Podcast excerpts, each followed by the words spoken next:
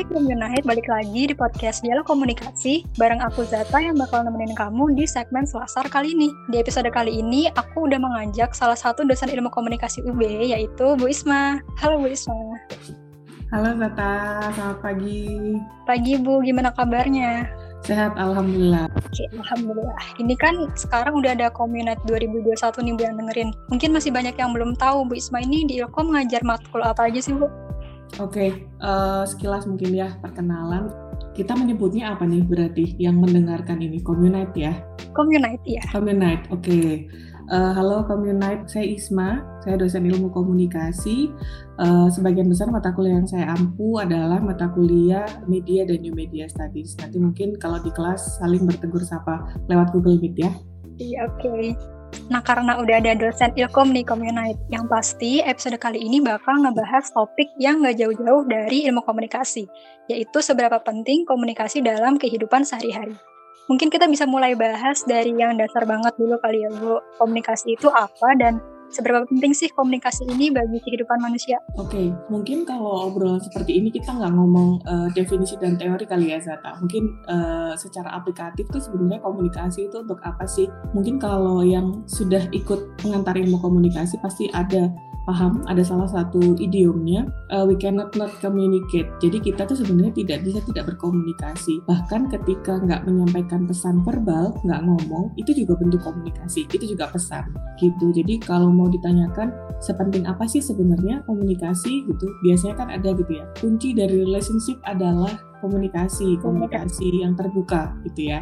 Jadi komunikasi ini memang sangat krusial sekali dan ketika kita menyampaikan secara nonverbal pun it's also a message gitu. Kira-kira gitu sih. Berarti komunikasi itu emang sefundamental itu ya Bu buat manusia. Iya, kalau benar. Gitu, ya, kalau gitu ada nggak Bu indikator komunikasi yang baik itu yang seperti apa sih? Komunikasi yang baik itu pasti yang pesannya sampai ya. Jadi kalau kita ngomong apa, saya ngomong sama Zata misalnya, uh, itu kemudian pesannya ter tersampaikan gitu. Misalnya saya lapar, ayo makan gitu misalnya. Tersampaikan. Atau mungkin misalnya kalau ada noise di tengah-tengah menyampaikan komunikasi itu mungkin Zata tidak mendengar secara jelas misalnya gitu. Dengarnya cuma lapar tapi mau makannya nggak tahu nggak paham gitu. Nah komunikasi yang kita nyebutnya mungkin komunikasi yang efektif gitu ya. Komunikasi yang baik itu adalah yang pesannya tersampaikan. Tapi untuk agar pesan itu tersampaikan secara penuh dan ada mutual understanding itu memang yang pertama tadi ya tidak boleh ada noise. Noise itu adalah yang kemudian bisa menghambat proses penyampaian pesan itu tadi. Bisa dari saya komunikator yang menyampaikan pesan bisa mediumnya gitu ya misalnya cara uh, tools untuk atau dari yang disampaikan uh, audiensnya. Jadi komunikannya kemudian mungkin tidak memahami pesan itu. Jadi yang baik atau yang ini efektif adalah pesannya tersampaikan. Oke, kalau yang dari saya tangkap dari penjelasan Bu Isma tadi, berarti komunikasi itu kan kesannya kayak ilmu yang sederhana banget, Bu. Kayak ilmu yang hmm. bertukar pesan gitu kan isinya. Hmm Nah, kalau gitu apa sih Bu yang bikin ilmu komunikasi itu diakui sebagai ilmu yang perlu dikaji bahkan sampai ada jurusan ilmu komunikasi? Oke, okay. uh, eh, sebenarnya karena simple ya kalau mau dasar fundamentalnya secara general karena ini memang sangat krusial sekali gitu. Karena biasanya uh, masalah, problem itu akan timbul dari yang namanya miscommunication, salah pakai salah pahaman atau ketidakpahaman, miskom. Nah, komunikasi kalau dulu hanya ngomong secara langsung gitu ya, tidak termediasi, jadi ada face to face communication. Kemudian akhirnya muncul lagi berkembang uh, orang komunikasi tuh bisa lewat handphone, kalau dulu lewat SMS, surat, email gitu ya. Kalau sekarang, kalau sekarang mungkin sudah lebih advance lagi. Nah, perkembangan-perkembangan mediumnya itu yang kemudian akhirnya cara berkomunikasi itu berubah gitu. Jadi pola orang mencari informasi berubah, orang berkomunikasi juga berubah mungkin kalian ini ya uh, yang generasi-generasi uh, baru gitu ya anak-anak yang kemudian lahir di tahun uh, 2000-an pasti cara berkomunikasinya beda dengan yang mungkin lahir di tahun 80 atau 90-an. Kira-kira gitu. Jadi uh, sebenarnya perkembangan itulah yang kemudian akhirnya membuat komunikasi ini kalau kita menyebutnya communication science ya. Jadi kemudian menjadi disiplin ilmu yang memang penting untuk dipelajari. Kira-kira gitu Zata. Oke, nah kalau tadi nyambung sama penjelasan Bu Isma, berarti itu kan tadi yang kita pelajari teori ya Bu. Hmm. Kalau misalnya ngomongin perkuliahan itu sebenarnya lebih penting hal-hal teoritis kayak teori-teori komunikasi, model, tradisi yang kayak gitu-gitu hmm. atau praktikal karena banyak anggapan hal-hal praktikal terutama yang hubungannya sama komunikasi visual kayak desain mendesain grafis gitu-gitu tuh bisa dipelajari di luar perkuliahan gitu bisa dipelajari secara otodidak. Menurut Bisma sendiri gimana? Uh, sebenarnya uh, mereka itu memegang porsi yang sama ya dua-duanya praktikal dan teoritikal itu tadi. Jadi kalau mungkin di bagian part pengantar gitu ya kita akan belajar sender receiver gitu ya message. Tadi sudah disebut disinggung Zara tradisi dan lain lain-lain. Sebenarnya mungkin kalau ini ya cara-cara mempelajarinya bukan menghafal mungkin akan jadi fun gitu karena sebenarnya belajar tradisi itu seru kalau menurut saya karena kita jadi tahu uh, asal mulanya misalnya gitu ya cara berkomunikasi yang seperti ini itu dari mana sih gitu? Karena mungkin di zaman dulu gitu ya teori-teori klasik komunikasi orang itu kemudian sebenarnya belum bisa merumuskan komunikasi itu sebenarnya mungkin yang paling uh, efektif dan yang paling baku itu via apa sih? Makanya kemudian banyak versi gitu kan. Jadi ada beberapa eh, versi-versi dan tradisi sebenarnya. Nah kalau penting mana? Sebenarnya yang praktikal sama teoritikal tadi sudah saya jawab di depan ya. Jadi ini sebenarnya sama-sama bobotnya sama gitu kalau uh, apakah kemudian practical skill itu bisa dipelajari di luar bisa, tapi sebenarnya theoretical skill itu juga sangat bisa dipelajari di luar bangku perkuliahan. Misalnya seperti itu, cuman memang practical skill itu akan sangat lebih aplikatif. Jadi kelihatannya namanya aja practical skill ya, pasti aplikatif. Jadi kelihatannya kemudian dominan untuk dipakai dalam kehidupan sehari-hari. Sedangkan yang theoretical itu kemudian jadi dasar atau basisnya. Tapi bukan berarti itu nggak tidak uh, terpakai gitu ya. Tapi sebelum misalnya gini, sebelum belajar untuk social media handling harus paham dulu misalnya uh, teori-teori uh, message production, membuat pesan yang baik itu seperti apa. Jadi pembobotannya sama sih kalau menurut saya. Uh, menurut Wisma apa jadinya kalau misal orang yang um, tidak belajar teori komunikasi tapi langsung menerapkan praktiknya gitu. Oke, okay, pasti ada yang beda ya Zata, tapi bukan berarti itu kemudian lebih apa tidak lebih baik gitu ya dari yang kemudian belajar komplit. Tapi memang ketika misalnya juga ketika ada yang belajar teori saja gitu ya, concern kepada pengembangan teoritis, uh, tapi nggak belajar tentang praktikal itu pasti ada yang berbeda. Bedanya di mana? Biasanya kemudian tidak tidak terlalu update dengan bagaimana mengaplikasikan teori ini di daily life gitu. Nah, vice versa uh, untuk yang kemudian hanya belajar uh, atau mengaplikasikan praktikal saja tetapi nggak belajar teoritis pasti kemudian dia memang uh, kelebihannya ya kelebihannya pasti akan lebih sangat pesat gitu ya kemajuannya. Tetapi memang dasar misalnya kayak tadi gitu ya rootnya sebenarnya dari social media handling itu apa sih? Cara membuat pesan yang baik. Jadi pasti akan ada yang ini ya apa namanya kurangnya. Cuman tidak berarti kemudian yang paham teoritis itu kemudian baik gitu ya lebih baik daripada yang tidak paham teoritis. Tapi memang masing-masing seperti sudah punya tracknya sendiri-sendiri gitu. Kira-kira gitu sih. Kayak gini misalnya saya mungkin uh, paham teori komunikasi gitu ya. Ngerti itu saya sender message receiver dan lain-lain. Tetapi untuk social media handling mungkin para influencer itu lebih jago. Padahal mereka nggak nggak nggak belajar uh, message production. Tapi karena mereka learning by doing mereka akhirnya bisa lebih paham secara praktis daripada saya. Mungkin seperti itu gambarannya. Oke berarti sama-sama penting tinggal tergantung tujuannya aja bu ya, profitnya seperti apa gitu. Oke, kalau misalnya ngomongin teori tadi, itu kan nyambungnya berarti ke mata kuliah. Ngomongin mata kuliah ilmu komunikasi, khususnya yang ada di Indonesia, menurut Bu Isma itu udah ideal belum sih Bu? Udah relevan belum untuk menunjang mahasiswa ilkom di dunia kerja? Oke, uh, ini agak serius ya ngomongnya kurikulum. Yeah. Iya. Uh, kalau kurikulum sebenarnya mungkin yang saya tahu tuh levelnya di Brawijaya ya, di jurusan kita. Kalau yang saya ketahui sebenarnya uh, susunan pembobotan kurikulumnya itu sudah sudah sangat advance dan sudah selalu diperbaharui. Jadi ini mungkin nggak banyak yang tahu gitu ya. Kalian kalau kuliah kan terima RPS rencana pembelajaran semester gitu ya, yang uh, per pertemuan kita akan bahas apa gitu. Nah, uh, itu sebenarnya mungkin kali uh, tidak banyak uh, apa mahasiswa yang tahu itu sebenarnya selalu kita perbaharui setiap tahun untuk perkuliahan semester ganjil dan semester genap. Jadi itu bukan template dari tahun zaman angkatan tua terus kemudian dipakai lagi enggak. Jadi itu selalu diperbaharui dan uh, ada bagian kurikulum di jurusan ilmu komunikasi kita yang memang memantau dan memastikan bahwa itu up to date dengan fenomena-fenomena kontemporer masa kini. Jadi ada beberapa memang yang disesuaikan. Mungkin kalau sekarang banyak mata kuliah-mata kuliah baru ya yang kayak New Media Studies, Game Studies itu memang sudah diupdate disesuaikan dengan minat gitu. Makanya biasanya kalian terima survei gitu ya, terima link, ngisi survei, mau ngambil mata kuliah apa nanti semester genap misalnya atau semester ganjil. Pilihan bebasnya mau ngambil apa aja. Nah, kita kemudian menyesuaikan dengan kita mengistilahkannya itu yang menggunakan jasa kita ya, yang menggunakan jasa kita pasti kalian mahasiswanya. Jadi uh, memang sudah disesuaikan.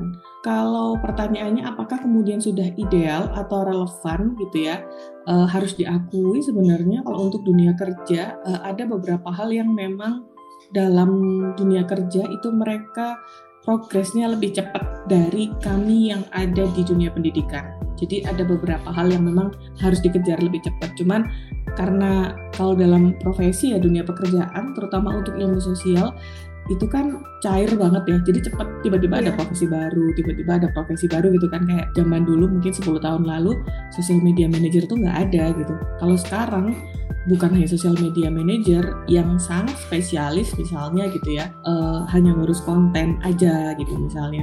Terus social media handling juga dibagi yang handle website sendiri yang handle Twitter sendiri kemudian yang handle Instagram nanti sendiri. Jadi diversifikasi karir itu jalannya lebih cepat daripada yang ada di pendidikan gitu. Meskipun uh, ada beberapa juga yang berusaha untuk mengejar itu, tapi memang pace apa ya pace larinya nggak sama gitu. Jadi kalau kami sih berusaha mengejar ke ini ya ketertinggalan itu gitu dan berusaha menyesuaikan sebenarnya kebutuhan. Kami menyebutnya pasar gitu ya atau pengguna lulusan itu sebenarnya membutuhkan sarjana ilmu komunikasi dengan spesifikasi seperti apa sih?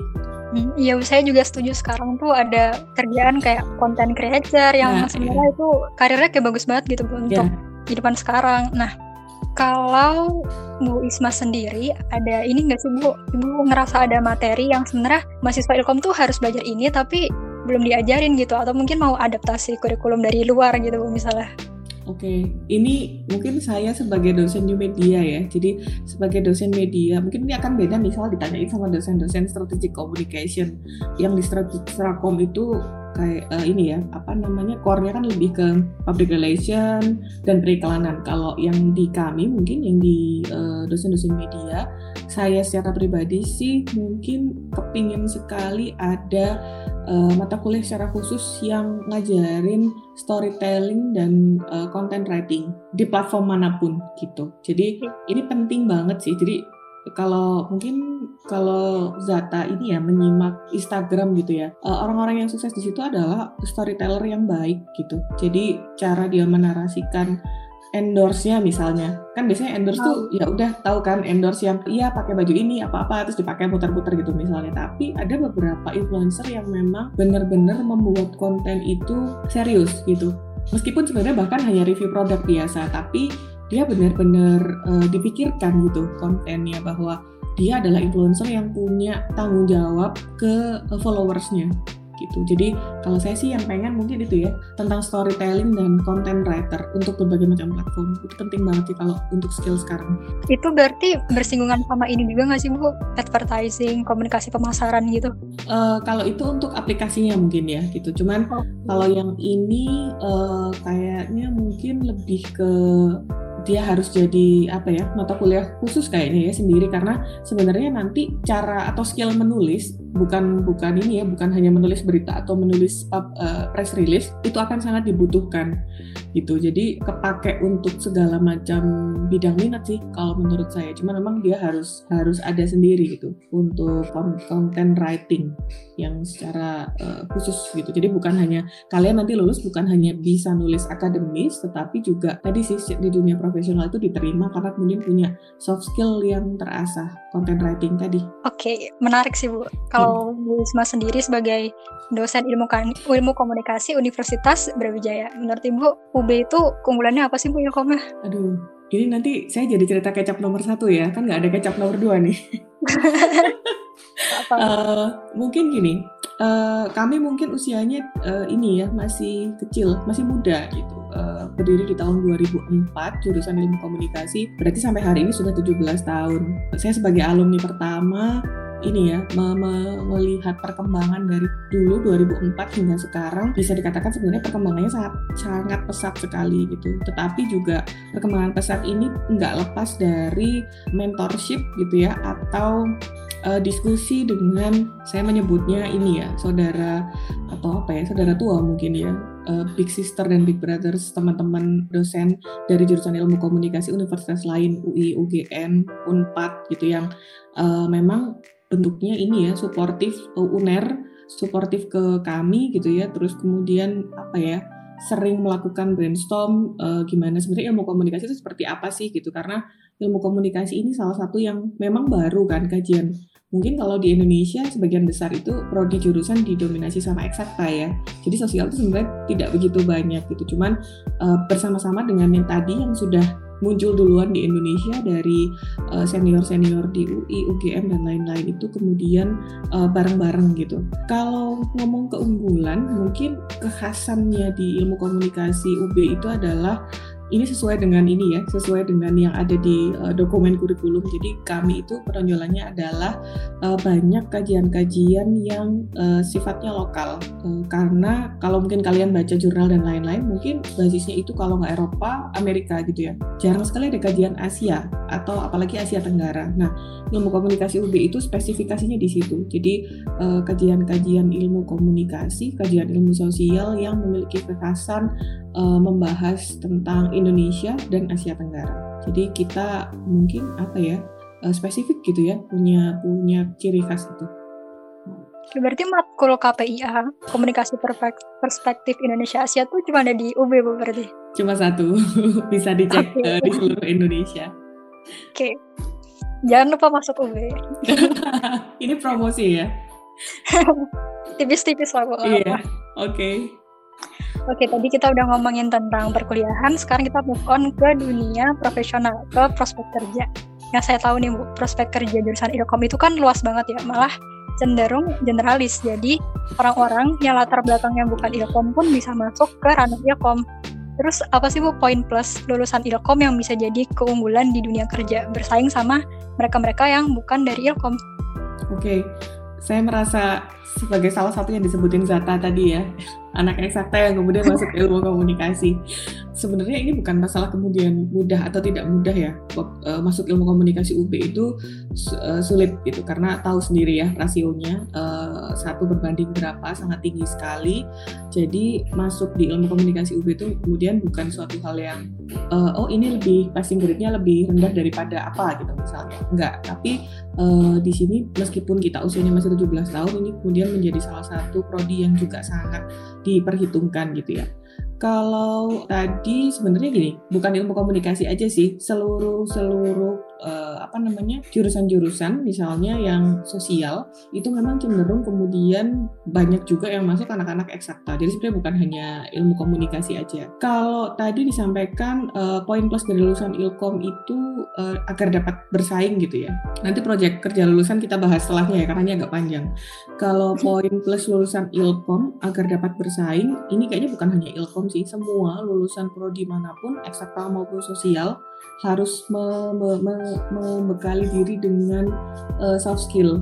Karena kayaknya kalau sekarang uh, hanya uh, eh, IPK itu hanya menyaring kalian secara administratif. Tapi kalau nggak ada soft skillnya nah itu nanti biasanya pada saat bekerja mungkin ada beberapa hal yang bisa ini ya berbeda dengan teman-teman sejawatnya. Jadi uh, soft skill itu banyak banget sih gitu. Salah salah satunya adalah uh, mungkin membekali dengan kalau sekarang ya kalau di ranah pekerjaan kita mungkin hal-hal seperti kalau desain dan lain-lain sudah diajarkan ya. Tapi kalau sekarang misalnya gitu ya kalau nyambung ke profesi-profesi baru kayak tadi uh, content writing, terus kemudian uh, UX writing itu hal-hal yang uh, di sosial belum ada mata kuliahnya sendiri, tetapi pada saat bekerja itu penting banget. Atau misalnya gini, menulis berita gitu. Menulis berita itu bukan hanya penting bagi anak-anak yang punya bidang minat media, seluruhnya uh, yang punya bidang minat public relation, uh, strategic communication itu juga uh, harus punya skill untuk nulis berita gitu. Jadi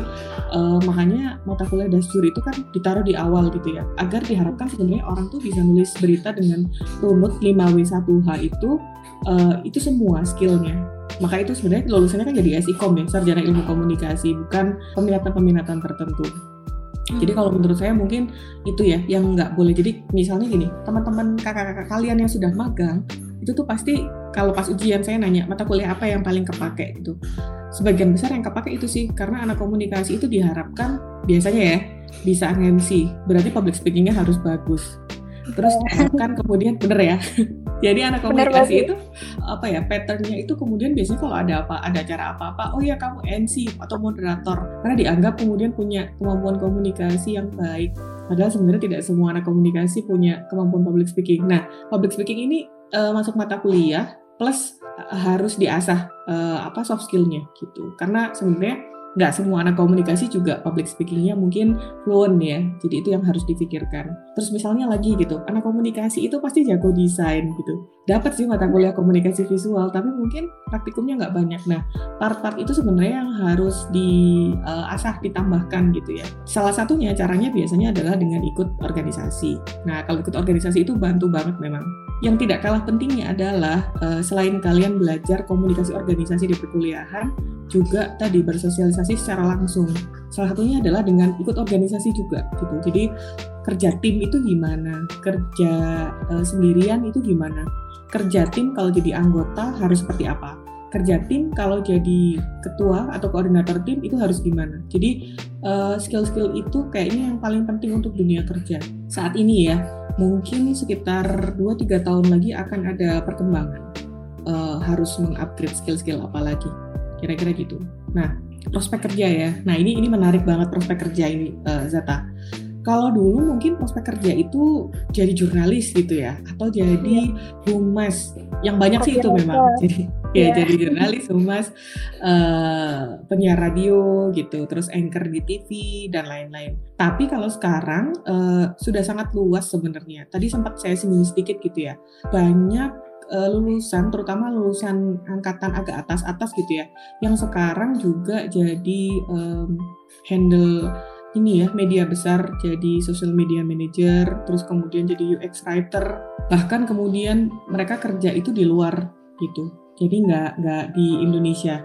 Jadi kalau misalnya ada yang nanya gitu ya bukan hanya prospek kerja tapi digunakan oleh siapa sih? Perusahaannya sudah uh, overseas sebenarnya. Jadi dari luar juga. Nah itu yang sebenarnya sebenarnya saya agak ini sih ya waktu itu dulu tahun 2009 2008 itu nggak mata kuliahnya nggak se-advance sekarang gitu. Tapi mereka yang lulus angkatan itu mereka jadi UX writer yang sangat jago. Jadi uh, user interface designer gitu. Jadi mata kuliahnya tuh nggak ada sebenarnya. Tapi mereka kemudian membekali dengan tadi soft skill tambahan. Nah itu kemudian jadi pilihan karir mereka. Jadi kalau sekarang mungkin karirnya sudah sangat banyak sekali ya spektrum pilihan karirnya gitu.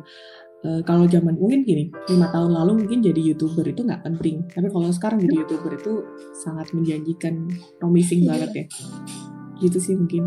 Berarti istilahnya biar nggak zong gitu ya bu. Kayak IPK-nya tinggi tapi kok nggak punya soft skill apa-apa gitu. Betul. Sama mungkin satu lagi Zata IPK-nya tinggi tapi kok susah bersosialisasi. Kan anak komunikasi. Aduh. itu muncul tuh biasa jadi karena kebetulan saya juga uh, di saya kebetulan ditempatkan ini ya dosen dengan tugas tambahan di pusat karirnya Brawijaya.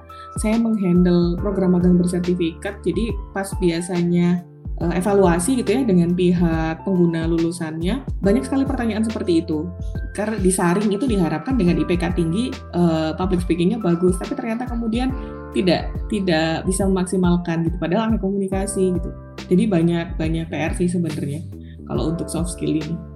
Oke, ini mungkin kalau misal dikulik lebih jauh tuh bakal menarik banget ya Bu. Cuman sayangnya kita udah ada di penghujung episode.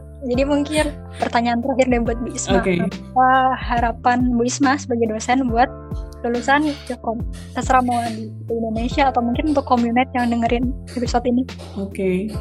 Oh, ini alumni ya? Atau mahasiswa lulusan atau mahasiswa existing? Mahasiswa sekarang dan nanti yang udah lulus okay. juga sekarang mungkin harapannya gampang ya. Uh, kalau kuliah on cam dong. Enggak, bercanda.